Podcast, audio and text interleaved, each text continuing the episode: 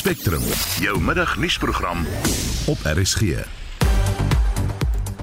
In vandag se program die Oos-Kaapse Drankraad reageer skerp op die dood van 21 tieners in 'n taverne in Oos-London. They are not allowed to sell alcohol to the minors. They are also not allowed to let the minors into their establishment. That is one of the very very important conditions. Die direkteure van 5 Gautengse skole word ondersoek vir beweerde bedrog en wanadministrasie. We can't have a situation where you give subsidies, but then the bulk of the money goes to administrators who are not necessarily doing anything. En aktiviste in Sydney, Australië betoog weer teen klimaatsverandering. Die span vandag redakteur Nicoline de Wee, ons produksieregisseur Daitron Godfrey. My naam is Anita Visser. Baie welkom by Spectrum. Daar is geen verkeer. Goeiemiddag, ek is Annelien Moses met die verkeersnuus. Ons begin in Kaapstad. Wees asseblief versigtig op die R300 suid na van Riebeekweg, want daar is diere wat besig is om die pad oor te steek. In Gauteng staan daar 'n vragmotor in die linkerbaan op die R21 suid voor die OR Tambo wisselaar. Daar staan ook 'n voertuig op die N3 suid na die randliggawe wisselaar en die linkerbaan is versper. Dit was dan jou verkeersnuus vanmiddag hier op Spectrum.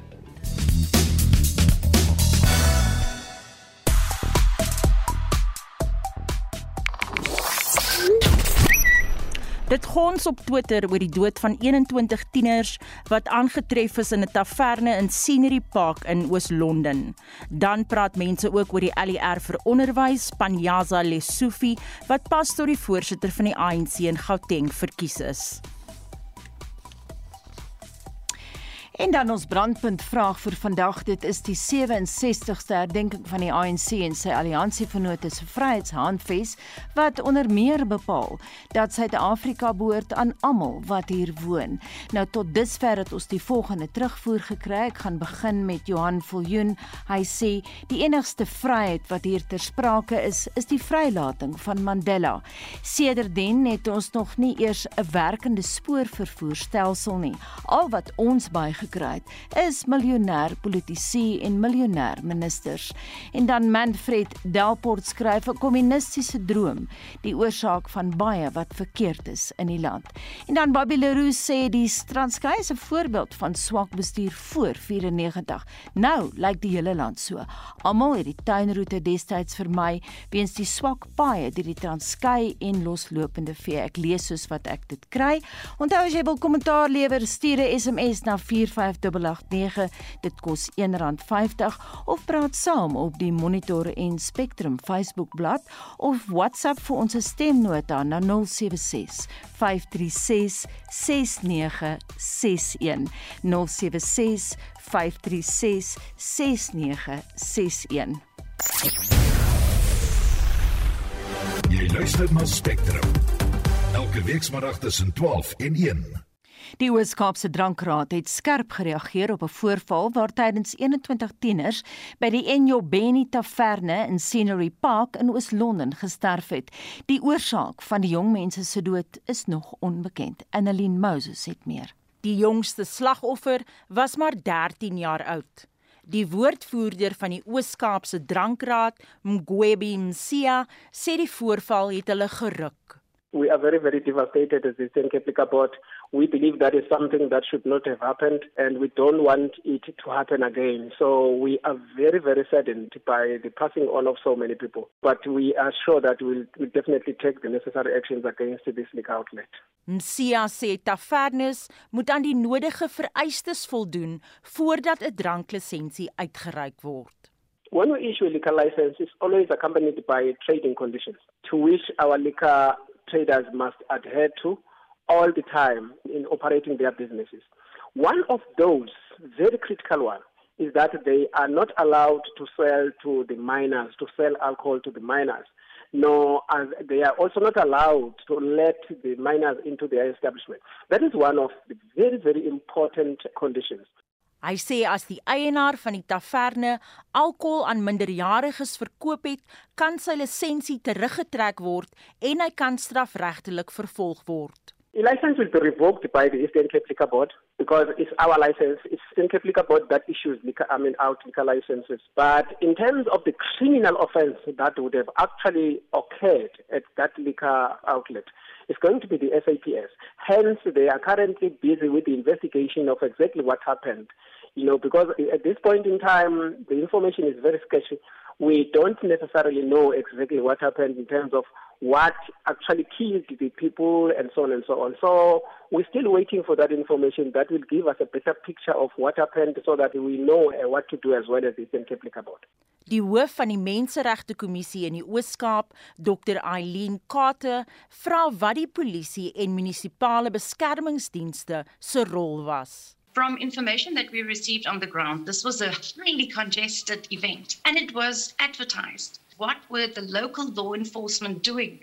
We're going to engage with the Buffalo City municipality, the provincial police commissioner. One of the aspects from the members of the community was they reported they are concerned about the proximity of this tavern in the local community. However, they did not know where to escalate this to. So it does show a lack of oversight and a lack of monitoring regarding the implementation of what should be laws that safeguard the specific rights of the children.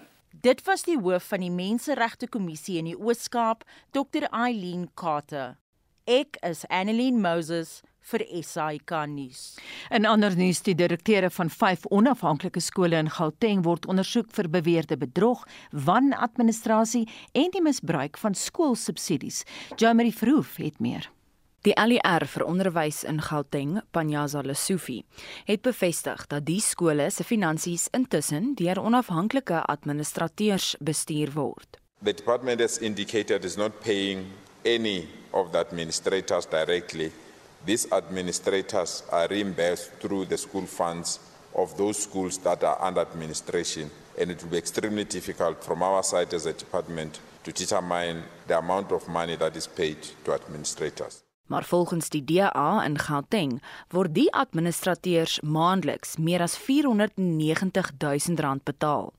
Die DA se woordvoerder vir onderwys in die provinsie, Kume Ramulifo, based on the information which I got from some of the owners, their main concern is that the department impose administrators and say you need to use these administrators who every month they get about 495,000 rand. So for me, it has to come to an end because you can't have a situation where you give subsidies, but then the bulk of the money goes to administrators who are not necessarily doing anything. Die Gautengse Onderwysdepartement betaal elke jaar subsidies aan 'n aantal onafhanklike skole.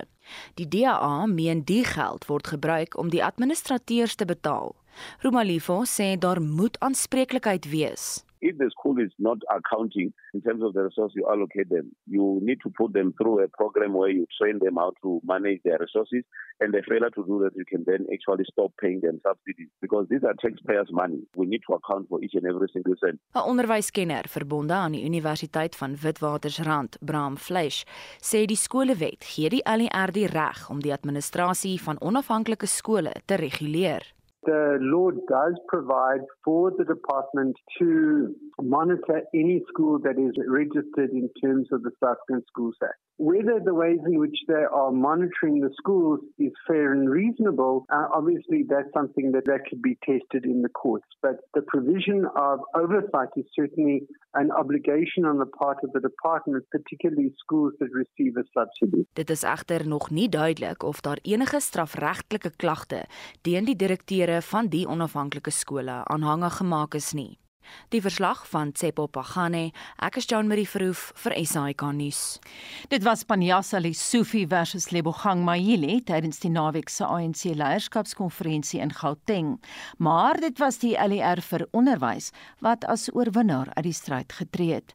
Lesofie is die nuwe voorsitter van die regerende party in Gauteng, alhoewel die stryd teen die LER van Samewerkende Regering en Menslike Nedersettings Lebogang Mahile vel was. Trouwens, die politieke wetenskaplike professor Susan Boysen van Wits Universiteit sê die wenkandidaat was moeilik te voorspel.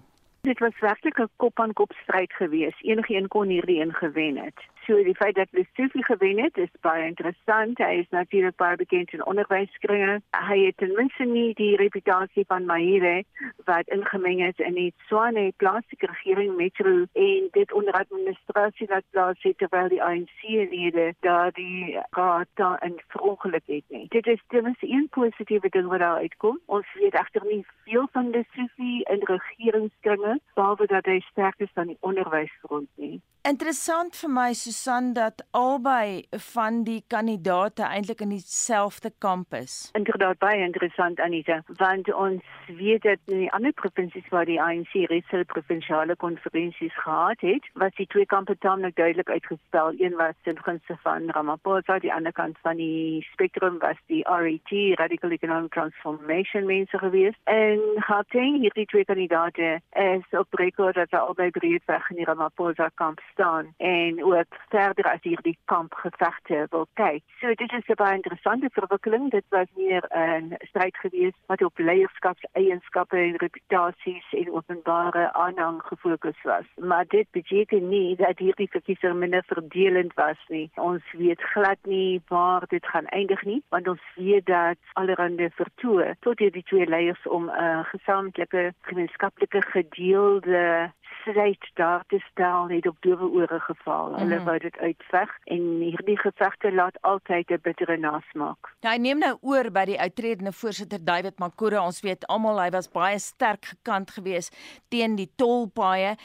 Waarop gaan hulle Sofie fokus dink jy? Jy weet die eerste plek gaan op onderwys wees en daar is natuurlik baie werk te doen daar. Gauteng is 'n provinsie waar die taak ongelooflik moeilik is omdat daar so baie immigrasie nasionaal en internasionaal in die provinsie in is.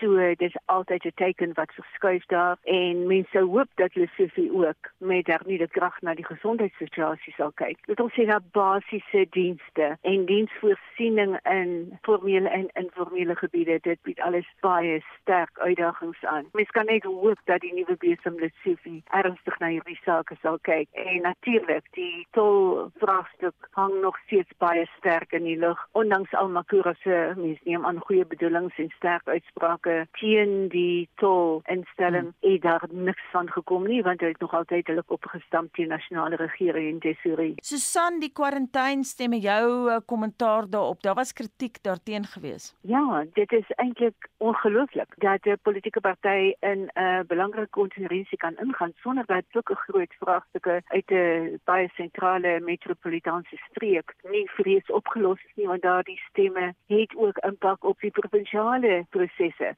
So dit is werklik 'n situasie wat vroeër opgelos moes gewees het. Mens kan dit natuurlik terugherlei na die tamelike chaos wat daar in ANC takorganisasies hier en dat dit verdeelde betwiste takresultate was wat in die streekskonferensies ingegaan het en dan in die provinsiale konferensies in. Dit alles het baie groot impak moontlikhede dat daar altyd betwisting gaan wees nog ver in die toekoms in en ek mens op die einde selfs by 'n nasionale vergadering konferensie kan uitkom waar daar die tipe sake nog steeds betwis word en baie groot impak kan hê. Susan die ANC het nou gesê hulle sou graag hierdie provinsiale konferensies wou afhandel voor die nasionale beleidskonferensie. Hulle het gepraat van Julie, maar nou ja, dit lyk nie asof hulle spertyd gaan haal nie. Dis die een ding, maar die ander ding, daar sprake dat daar nie geld daarvoor is nie. Wat hoor jy daarvan? Ja, ons hoor inderdaad dat daar vra is of die ANC wel 'n beleidskonferensie kan bekostig. Die beleidskonferensie is 'n baie groot instelling, gewoonlik so 6 maande. Dit wil sê Julie sal die spertyd daarvoor wees volgende maand. Dit is 'n groot voorloper tot die ANC se nasionale verkiesingskonferensie wat dan Desember moet volg. Maar die gerugte loop baie sterk dat die ANC sukkel om die geld bymekaar te kry om die beleidskonferensie te borg. Dit sal 'n baie groot terugslag wees vir die ANC as dit nie gedoen kan word nie, want soos die nasionale algemene vergadering wat halfpad tussen die groot verkiesingskonferensies plaasvind, is dit baie belangrik dat beleidsake uitsonderlik bespreek word. Natuurlik een kort punt om daarby te voeg daar is mense wat meen dat die Ramaphosa kamp gegee word die president se onbenadenswaardige posisie met die onthullings oor die geld in die bank die sonderverslag wat hom werklik ook impliseer dat die leeskonferensie miskien ook vermy kan word omdat daar so baie sy sake op die spel is Dit dan die politieke wetenskaplike professor Susan Boysen van Wits Universiteit. Die Amerikaanse Hooggeregshof se uitspraak om die waterskeiding beslissing van die 1973 Roe versus Wade saak om te keer, het die samelewing selfs meer verdeel as wat die wapendebat doen. Die kruks van die saak is dat 'n abortus nie voortaan meer 'n vrou se grondwetlike reg is nie. Nou vir meer konteks daaroor praat ons met professor Theo Venter. Hy's 'n dosent in praktyk aan die College vir besigheid en ekonomie aan die Universiteit van Johannesburg. Goeiemôre. Goeiemôre Anita. Teoretiese betogings in Los Angeles, San Francisco, New York, ongelooflike betoging. Maak nie saak watter nuuskanaal mense naweek gekyk het nie, die Roe versus Wade debat het gedomeineer met die pro-lifers en die pro-choicers wat erg kop gestamp het. Ja, baie baie sterk en dit polariseer soos jy in jou inleiding gesê het die Amerikaanse samelewing, maar dit gaan dit gaan veel groter. Ehm um, geslagsvraagstukke, gender issues is nou 'n globale verskynsel. Dit is nie net meer iets ehm um, wat tot een land beperk is nie. Ons het dit met 'n paar vorige geleenthede ook gesien hoe dit soos 'n golf spoel oor die wêreld en ehm um, in hierdie geval ehm um, het ons die interessante verskynsel dat dit nie net in Amerika politieke ehm um, gevolge gaan hê nie ook na die verkiesing toe einde van die jaar, maar internasionale leiers het ook daaroor gereageer en miskien net een interessante verskynsel, daar is omtrent net 4 lande wat in die laaste paar jaar terugbeweeg het op die regte van vroue en dit het veral met abortus te doen. En die lande klink natuurlik uh, interessant. Die een is Rusland, mm. die ander een is is in Pole, maar dit is baie sterk rooms-katoliek gedrewe.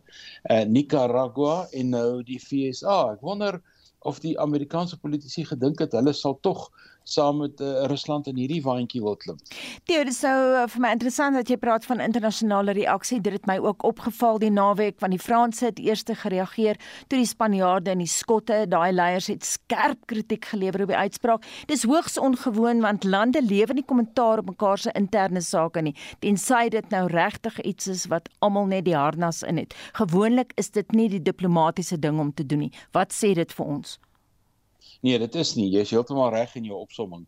En en boonbehalwe die wat jy genoem het, het selfs Boris Johnson daarteenoor mm. uitgekom en uh, uit uit Denemarke en uit Noorwe baie skerp reaksie. Dit sê maar net vir jou dat die die hele vraagstuk oor uh, die reg wat 'n vrou het, um oor haar eie liggaam en alles wat daarmee saamgaan. Dit is natuurlik in elke land vanuit 'n ander hoek gesien, maar dit kom op dieselfde punt neer. In die Amerikaanse geval gaan dit oor die 14de amendement van 1868 wat nou geherinterpreteer is deur konservatiewe regters, regters wat juridies konservatief is. Met ander woorde wat die die grondwet probeer interpreteer soos hulle dink mm. dit in 1868 moes gebeur het. En uh, dis totaal uit uit ehm um, uh uit uit koers met wat uh, op die oomblik um, aangaan in die wêreld. Daar hmm. is natuurlik um, nie alleen in Amerika nie, maar wêreldwyd ook um, uh, sterk verskille oor hierdie saak en dit het um, religieuse, sosiale en kulturele basisse daarvoor, maar um, vir my het dit um, as 'n skok gekom. Ek het gedink ehm um, die die hele kwessie rondom abortus, die reg tot abortus in die FSA staan so stewig mm. na 50 jaar soos wat die verbod op die doodstraf in Suid-Afrika staan wat feitelik nie beweegbaar is in mm. ons regstelsel nie en hier gaan hier gaan 'n paar konservatiewe regters vir al die wat deur Donald Trump aangestel is en hulle draai die oorlosie terug. Net vinnig die LGBT gemeenskap beskou die beslissing as 'n eerste stap na staatsinmenging met die privaat individu se seksualiteit. Is dit oordrewe volgens jou? Nee. Nee, die uh, jy sal onthou in die Suid-Afrikaanse geval toe die hele debat rondom ehm um, uh die die grondwet gegaan het oor ontvergoeding uh onteiening sonder vergoeding was daar stemme wat gesê het onthou dit gaan nie net oor grond nie dit gaan oor het, al jou eiendom wat hier eintlik ter sprake is. Nou hier het ons dieselfde situasie. Dit gaan nie net oor die reg op abortus nie. En ehm um, hierdie gemeenskappe dink ek kan met reg bekommerd voel want die volgende uh, aanslag um, is die reg op gemeng ag ge, ehm um, dieselfde huwelike, mm. same sex marriages en die reg op 'n hele klomp ander goed wat intussen eintlik gebou is op Roe and Wade. Dis hoekom ons dit so 'n belangrike stuk uh, wetgewing noem van 73 af. So ek dink die Amerikaners is bekommerd en uh, my en jou belangstelling net natuurlik altoe in die politiek. Mm. Hierdie ding gaan in November maand, die tweede Dinsdag van November 'n baie baie belangrike rol speel in wie uiteindelik die kongres gaan beheer, die senaat en die huis van verteenwoordigers. Baie dankie Theo, daardie is sommer my laaste vraag klaar beantwoord dit dan Theo Venter, dosent in praktyk aan die College vir Besigheid en Ekonomie aan die Universiteit van Johannesburg. Die Buro vir Ekonomiese Onderzoek op Stellenbosch se indeks van sakevertroue in die sakedienste gasvryheid, eiendom en vervoersektore is pas uitgereik. Nou volgens die peiling het sakevertroue in die tweede kwartaal van die jaar met 9 indekspunte tot 52 gestyg. En ons vind nou uit oor die redes daarvoor. Ons praat met George Kershoff, hy's adjunkdirekteur van die Buro. Goeiemôre George. Goeiemôre Anita. Wat het ja, daar te by jy... uh, Ja. Nee, gaan gerus voort. Wat eh, wat, eh, wat het daartoe bygedra hoekom?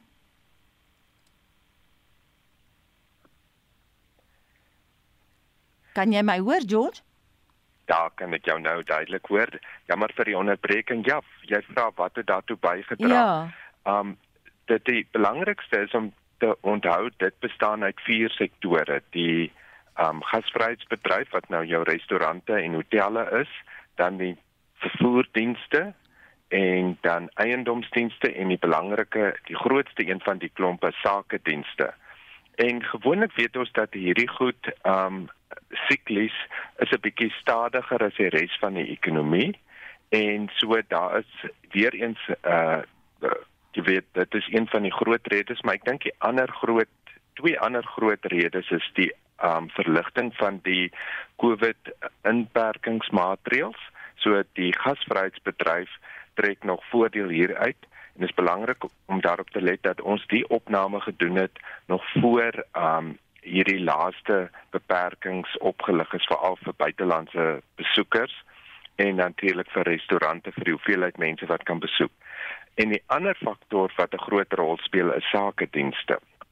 Ek het reeds gesê dit is die grootste een van die uh, vier sektore, maar dit kom vir ons voor asof tydens die inperking en die eerste fase daarna alle maatskappye eenvoudig gefokus het op hoe wat kan hulle doen om hulle koste te verminder. So hulle het so min as moontlik probeer om re, um, rekenaardienste in te koop of hulle um jy weet boekhouderdienste of regsdienste of enige iets van daardie aard. Nou weet jy ook hoe die boubedryf gesukkel het so daar baie mense nie ehm um, in die konsul uh, konsultasie besigheid en raadgewende ingenieurs het nie werk gehad nie. En dit kan net so lank aanhou. Nou moet nou kom maar 'n punt waar die ouens dit nie meer verder kan uitstel nie en die bedryf trek nou definitief voordeel daaruit. George, kom ons kyk 'n bietjie na 'n daling in sake vertroue spesifiek in die vervoersektor. Hoekom? Ja. Ja, dit is 'n interessante ehm um, verwikkeling ek dink as 'n mens nou 'n bietjie terug onthou, ons word deur so baie krisisse deesdae getref dat 'n mens nie eers kan onthou wat laasweek verkeerd geloop het nie, maar hierdie opname verwys na wat in die tweede kwartaal gebeur het. So toe het ons die groot oorstromings in KwaZulu-Natal gehad en dit het groot ontwikkeling uh, ontwrigting daar by die hawe gehad en dit het veral um jou vrag land of padvervoer van vrag um benadeel. Dan moet ons ook sê ander sektore in die ekonomie het begin te verstadig, spesifiek vervaardiging en dan die mynbou en so dit sal ook pad vervoer nadelig raak. En dan die ander sektor wat saam met dit is is die uh, passasiersvervoer op paaie. Nou dis busse en ehm um, toerisme uh, firmas wat ehm um, groepe per bus vervoer. Ehm um, dit sluit nou nie um treinvervoer in uh voorstedelike treine nie, maar dit kry natuurlik al lank swaar as gevolg van hierdie um gebrek aan uh, buitelandse besoekers en dit is natuurlik winter. So um dit is van die klagtes wat die mense het. maar die breër passasiersvervoerbedryf, ehm um, daar weet ons ook nou van die bankrotskap van Comair British Airways. Mm. So dit is um, deel van 'n pakkie van ja, sonder buitelandse besoekers is die bedryf nog ver um, daarvan af om te herstel. Net laasens en kortliks as jy kan George, hoe het sake vertroue in die eiendomsmark gevaar? Ja, daar's ook weer 'n uh, 'n uh, 'n voor en 'n nadeel. Ek dink die verkope um eiendomsagente dit bly um goed doen. Nie so goed soos in die eerste kwartaal, maar nog steeds goed. Um maar dit is opgemaak deur die administrasie van eiendomme daar's vir alle skerp toename in die aanvraag van huur eiendomme vir al woonstelle so die ouens het daarom daar bietjie hulp gekry. Baie dankie en so sê George Cashel van die Buro vir Ekonomiese Ondersoek op Stellenbosch. Jy luister na Spectrum. Elke week saterdag tussen 12 en 1. 1232 die hooftrekker die Suid-Afrikaanse Menseregte Kommissie gaan sy eie ondersoek loods na die Taverne tragedie in Oos-London.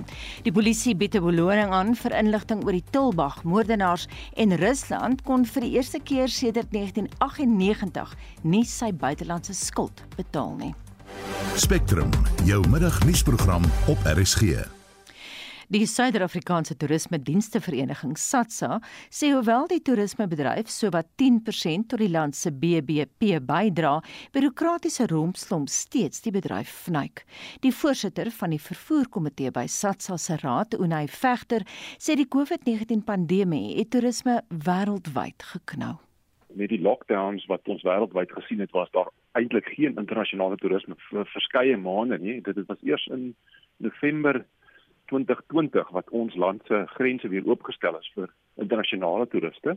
En uh, dit het daarna nog maande gevat voordat mense kon terugkom want so dit het stadig begin terugkom en toe natuurlik kom die uh, Omicron variant einde November 2021 wat ons weer verder teruggesit het toe ons weer op die rooi lys beland van baie lande. En daar's in feite baie lande wat vir ons die hele pandemie lank tot Februarie Maart 2022 het hulle ons op 'n rooi lys gehad en kon hulle mense glad nie na Suid-Afrika toe kom om te reis nie. Watter bureaukratiese rompslomp beperk julle herstel? Ons begin nou weer sien dat toerisme terugkom en ons wil graag herstel en al die toeroperateurs wil baie graag weer aan die gang kom, maar hulle voertuie kan nie operate nie omdat hulle nie operateurslisensies ontvang van die NPTR af nie. Die NPTR is die departement by die vervoer wat die sektor reguleer, die toerisme vervoer sektor. En elke operateur moet geakkrediteer word as 'n geskikte operateur vir toerisme en dan moet sy voertuie moet 'n lisensie skryf kry of 'n operateurslisensie kry van die NPTA. Dit geskied alles deur een kantoor in Pretoria. En ongelukkig funksioneer daai kantoor glad nie. Hulle het 'n raad of 'n komitee wat besluit oor elke aansoek En vir die laaste 2 en 'n half jaar was daar glad nie 'n raad of komitee nie. En selfs voor dit was daar ook geen onderskeid getref tussen operateurs wat geakkrediteer is en die wat nie geakkrediteer is nie. As jy wel geakkrediteer is, dan sê die wet, dan moet jy jou operateurslisensies outomaties kry. Dit behoort 'n selfde dag of volgende dag transaksie te wees. En so selfs voor die pandemie en terwyl daar nog wel 'n raad en 'n komitee was, was dit baie normaal dat operateurs maande en selfs jare moes wag net om 'n lisensie vir 'n voertuig te kry om toeriste te kan vervoer.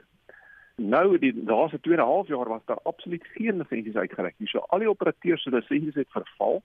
Niemand kon nuwe voertuie aanskaf nie.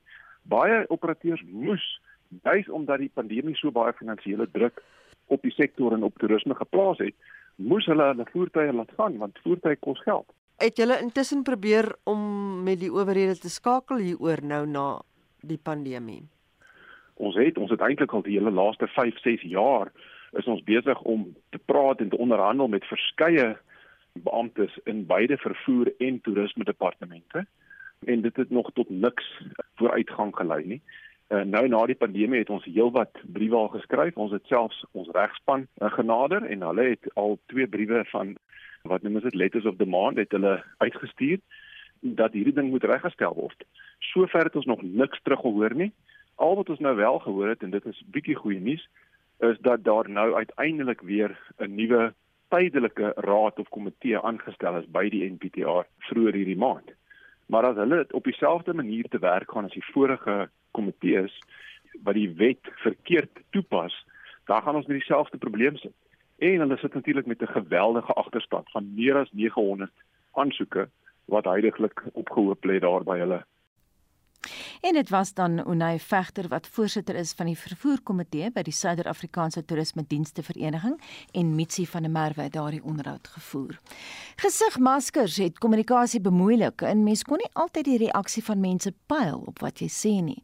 Nou Spectrum het met 'n bedryfssosioloog in privaat praktyk Marion Meyer gaan praat oor hoe kommunikasie kan verbeter. Sy is nou op die foonlyn om vir ons konteks daarop te plaas. Kan jy my hoor Marion? Hallo Anita, ja ek kan. Marion, jy weet mense maak baie oogkontak veral net die bedryf van ons. Ek dink nou tussen byvoorbeeld die aanbieder en die bedryfsingenieur, die klankingenieur. Mense maak baie keer oogkontak om ja. te sien waar en dinge gaan en dit is so 'n belangrike deel, maar oë self is nie genoeg nie. Mense trek tog hulle gesigte en hulle monde ook as hulle praat. 'n Mens kan nie sien wat agter daai masker aangaan nie. Korrek. Weet jy, um, Anita, dit is eintlik interessant. Die gesig word in drie dele opgedeel: jou oë, jou voorkop, jou neusarea en jou mondarea. En eintlik gesels ons heel meeste met ons mondarea.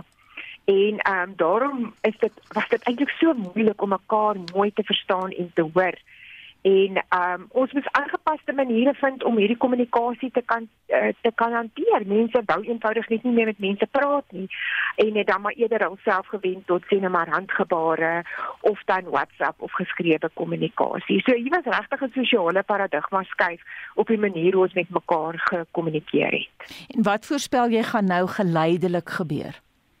Ag ek ek dink darm ek mense gaan gewoond raak of ek dink meeste mense is baie bly dat ons nie meer maskers hoef te dra nie. Tog is daar maar 'n bietjie ongemak. Ek dink net soos ons almal moes gewoond raak aan die idee om wel 'n masker te dra, is daar mense wat gemakliker voel agter 'n masker.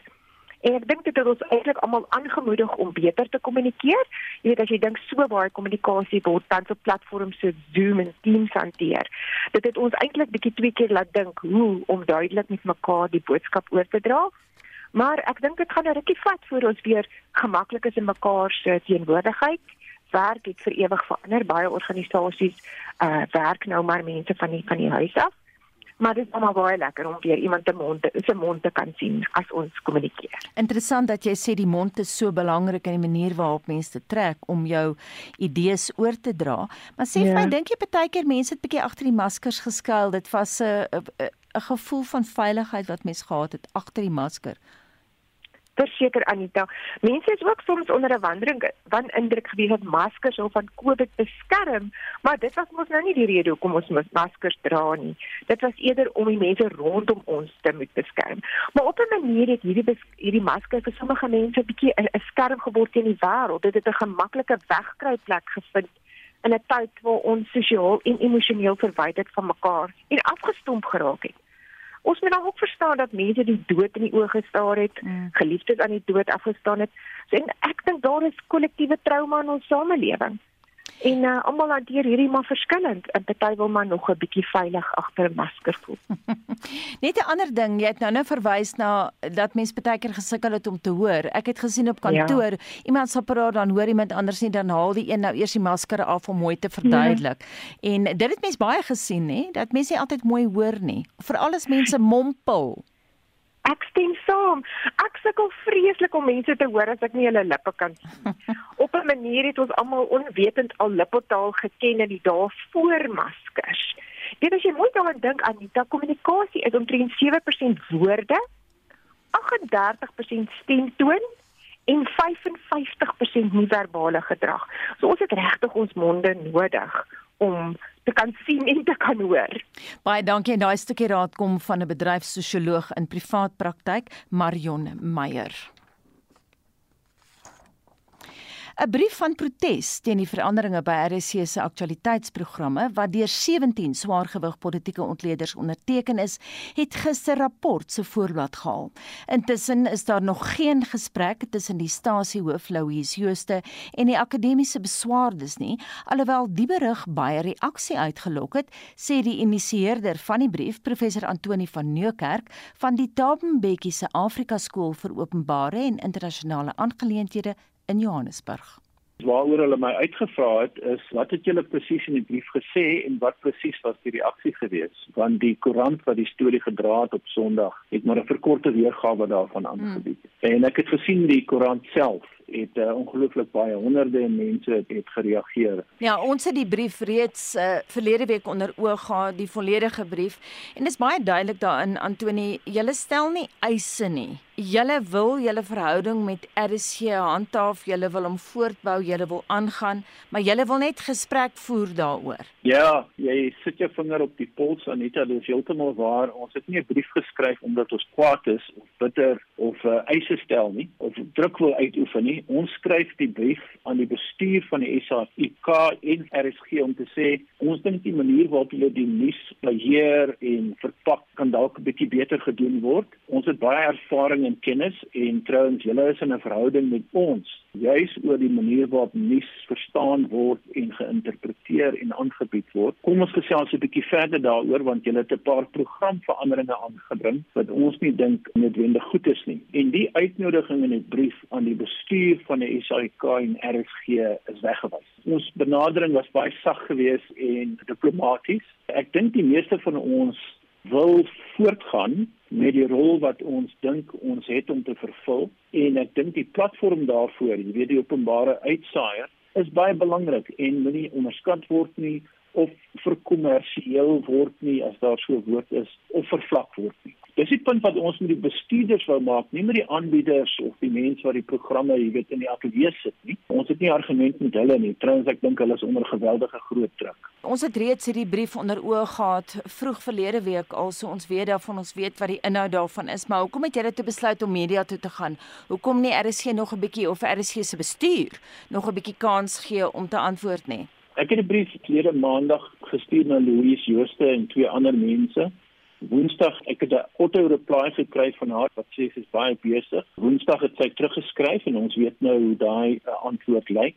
Dit het ons nog so 'n paar dae gewag en gewonder, miskien kan ons informeel op 'n manier aan die gang kom met hierdie gesprek. Maar teen Vrydag en Saterdag het dit vir ons duidelik geword dat daar ons gaan nie verder 'n reaksie kry van die bestuur van die SAIK en van RSG nie. Hulle het die deur toegemaak. Wat ons nou doen is uh, ons het besluit ons het dit van die begin af 'n oop brief genoem. So ons wil hê ander mense moet kennis neem van die kwessies wat ons wil aanraak en die manier waarop ons dit wil hanteer. So ons het gedink 'n breër audience, 'n breër soort van ingeligte openbare gesprek kan dalk vrugte afwerp. En hopelik as jy mens kyk na die vinnige en uh, omvattende reaksie op die brief en die terugantwoord dan lyk dit vir my tog dat daar uh, baie mense is wat baie graag hierdie kwessie verder sou wil vat. 20% van die 80000 luisteraars wat aan 'n internetpeiling deelgeneem het, het gesê hulle is nie tevrede met die nuwe formaat nie, maar ek weet ook dat jy op Stellenbosch verwys het na Monitor as die universiteit van die volk en uh, jy's toegejuig. Ja, ja, dit was dit was 'n baie lekker oomblik geweest. Ek het uh, die kans wat ek kan benut op die KKNK en by ander kulturele feeste gebruik om vir mense te vertel, jy weet wie ons is. Ek sit daar so met Dirk of met Abel of een van die ondertekenaars van die brief. Dis maar ons rol as akademici en senior akademici, professors. Ek sien party mense sê ons is oud en afgetree, wat se indruk kan ons nou nog maak op die wêreld? Maar dit daar gelaat En ek geniet dit om met mense in gesprek te tree oor wie ons is wat agter die skerms woel en werskaf om 'n perspektief aan te bied vir die mense wat nie noodwendig in 'n posisie is om nou breed te lees en na elke tweede TV-kanaal te kyk om te verstaan wat in die Oekraïne of in 'n ander plek aan die gang is nie. En mense geniet dit geweldig om te verstaan wie is die ouens agter die skerms. En ek moet vir jou sê dat ek dink die bestuur moet kennis neem daarvan dat die mense oop is om te luister na hoe uh, hierdie programme gevorm word en hoe ons van kenners gebruik maak om die wêreld te verkoop. Net laastens, as hierdie hele poging nou 'n muisbaar en niks gebeur nie, wat dan? Ons het nie 'n uh, strategie ontwikkel oor hoe die RSG moet aanpas nie, maar ons het baie individuele voorstelle. Ek sal baie graag wil help vir RSG om so een keer 'n week 'n blik op Afrika aan te bied wat gaan in ons kontinent aan en by ons bure en hoe kan 'n mens dit verstaan? Dis een voorbeeld. As niks verder gebeur nie en uh, die kommersialisering en vervlakking duur voort, dan moet ons maar kyk na alternatiewe. Jy weet, ek dink sosiale media leen om daartoe om in Afrikaans hierdie tipe van werk voort te sit. En so sê professor Antoni van Nieuwkerk van die Tabenbekkie se Afrika skool vir openbare en internasionale aangeleenthede in Johannesburg. Spectrum, jou middagnuusprogram op RSG. Die Suid-Afrikaanse Nasionale Redakteursforum SANEF sê ondanks die vernietigende impak van die COVID-19 pandemie, lewer die land steeds journalistiek van hoë gehalte. Dit was duidelik tydens die Standard Bank se Vukile Journalistiekpryse in Johannesburg die naweek. Annelien Moses het meer. Sbusiso Ngalwa is vir 'n tweede termyn tot SANEF voorsitter verkies. Ngawa sê die COVID-19 pandemie het 'n verwoestende impak op die mediabedryf gehad. Hy sê die bedryf het sowat 1000 joernaliste verloor en bykans 100 publikasies moes hulle deure sluit. Ngawa sê nog 'n uitdaging is geestesgesondheid onder mediawerkers. We take it for granted that we are built tough. You go to a story, you experience a traumatic experience, you come back, you laugh about it, you smoke, and you forget about it, you know? But the reality is that we live through that. We reflected today that as newsrooms, we're actually not equipped to deal with trauma. We actually do not even understand. So the education starts with us. Before we partner with other people, before we try to help journalists, we also need to understand what our colleagues are going through. Hy sê ten spyte van vele uitdagings, floreer Suid-Afrikaanse journalistiek. Die storie van die jaar en ondersoekende journalistiekprys het gegaan aan Pieter Louw Meiburg vir die Digital Vibe storie wat 'n omstrede tender van 150 miljoen rand aan die lig gebring het. Dit het daartoe gelei dat die voormalige minister van gesondheid, Zweli Mkhize, die trekpas gekry het. Meiburg sê die toekenning is vanweë harde werk. The digital vibes expose, you know, the fallout from the expose and the, the political repercussions for somebody like former Minister Zweli Mkhize really highlights the impact of this kind of work. So it makes me happy to recognize the fact that we live in a country where the public appreciates this kind of journalism and our work still has a, a impact and we have the freedom to do this work, which is very important. Fotograaf van die Cape Times, Pandulazwi Mjileko, het twee pryse ingepalm. Een van die toekenninge is vir 'n foto wat hy geneem het van 'n asielsoeker wat bad in 'n oop tent in Belwel naby Kaapstad. Still shocking because the situation hasn't changed and for them not to have toilets and stuff like that and showers to be taken away from them really was something inhumane to say, you know. But I was sent there just to tell what was happening. And as I got there, the guys was busy like showering, you know. You know, um, I'm very happy that if like people recognize my work at the end of the day. Standard Bank is die amptelike borg van die toekennings. Die voormalige direkteur-generaal van die Tesorie en nou die bank se bestuurshoof, Lungisa Fuzile, sê onbetroubare media beteken niks vir die samelewing nie. Fuzile sê die media het 'n belangrike rol te speel in 'n jong demokrasie soos Suid-Afrika. You are a great service to our relatively young democracy. I would make bold and say that without you, our democracy would fail. Every one of you here in this room and viewing online are heroes and heroines. We are eternally grateful to you and rightfully proud of what you do and what you have achieved under very trying circumstances over the last two years. Dit was die bestuurshoof van Standard Bank, Lungisa Fuzile, wat die verslag deur Tsepo Pagane afgesluit het. Ek is Annelien Moses vir SAK nuus. En van daai einste Annelien Moses gepraat, sy hou vir ons die ontwikkelende nuusstories van die dag dop Annelien. Die dood van 21 tieners stuur nog skokgolwe deur die land nadat hulle leweloos aangetref is by die Enyobeni Taverne in Scenery Park in Oos-London. Die woordvoerder van die Oos-Kaapse Drankraad, Mgwebi Msia, het benadruk dat dit onwettig is om alkohol aan minderjariges te verkoop. They are not allowed to sell to the minors, to sell alcohol to the minors. No, they are also not allowed to let the minors into their establishment. That is one of the very, very important conditions. Die Menseregte Kommissie sê hy het inligting ontvang dat die geleentheid by die taverne geadverteer was. Die Oos-Kaapse hoof van die MRK, Dr. Eileen Kate, wou weet hoekom die nodige beskermingsdienste nie by 'n geadverteerde openbare geleentheid was nie. What were the local law enforcement doing? We're going to engage with the Buffalo City municipality, the provincial police commissioner. One of the aspects from the members of the community was they reported they are concerned about the proximity of this tavern in the local community. However, they did not know where to escalate this to. So it does show a lack of oversight Soos wat jy vroeër gehoor het, is die LER vir onderwys, Panyaza Lesufi, tot ANC voorsitter in Gauteng verkies. Hy het teen 'n ander swaargewig, Lebogang Mahile, te staan gekom.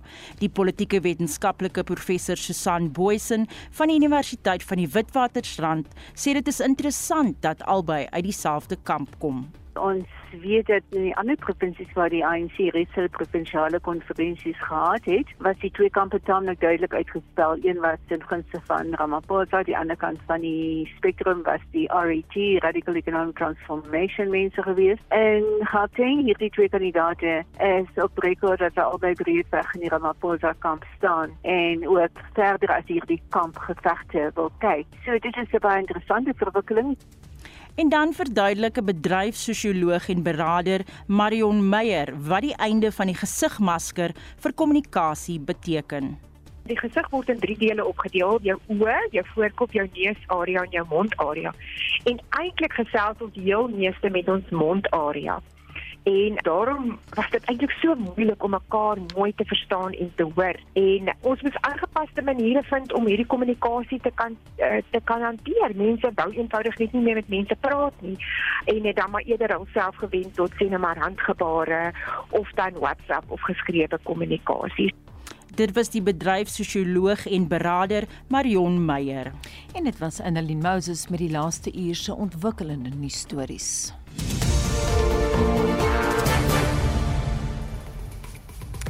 Vorige uitsendings van al ons nuusaktualiteitsprogramme is op rsg.co.za beskikbaar en onthou om in te skakel vir Brandpunt kwart voor 6 vanmiddag vir 'n samevatting van die dag se nuusgebeure. En natuurlik monitor môreoggend tussen 6 en 7 met Udo Karlse. Ons moet groet namens ons uitvoerende regisseur Nicoline de Wee en sy was ook vandag se redakteur. Ons produksieregisseur was Daitron Godfrey. My naam is Anita Visser. Geniet jou middag aan die geselskap RSG.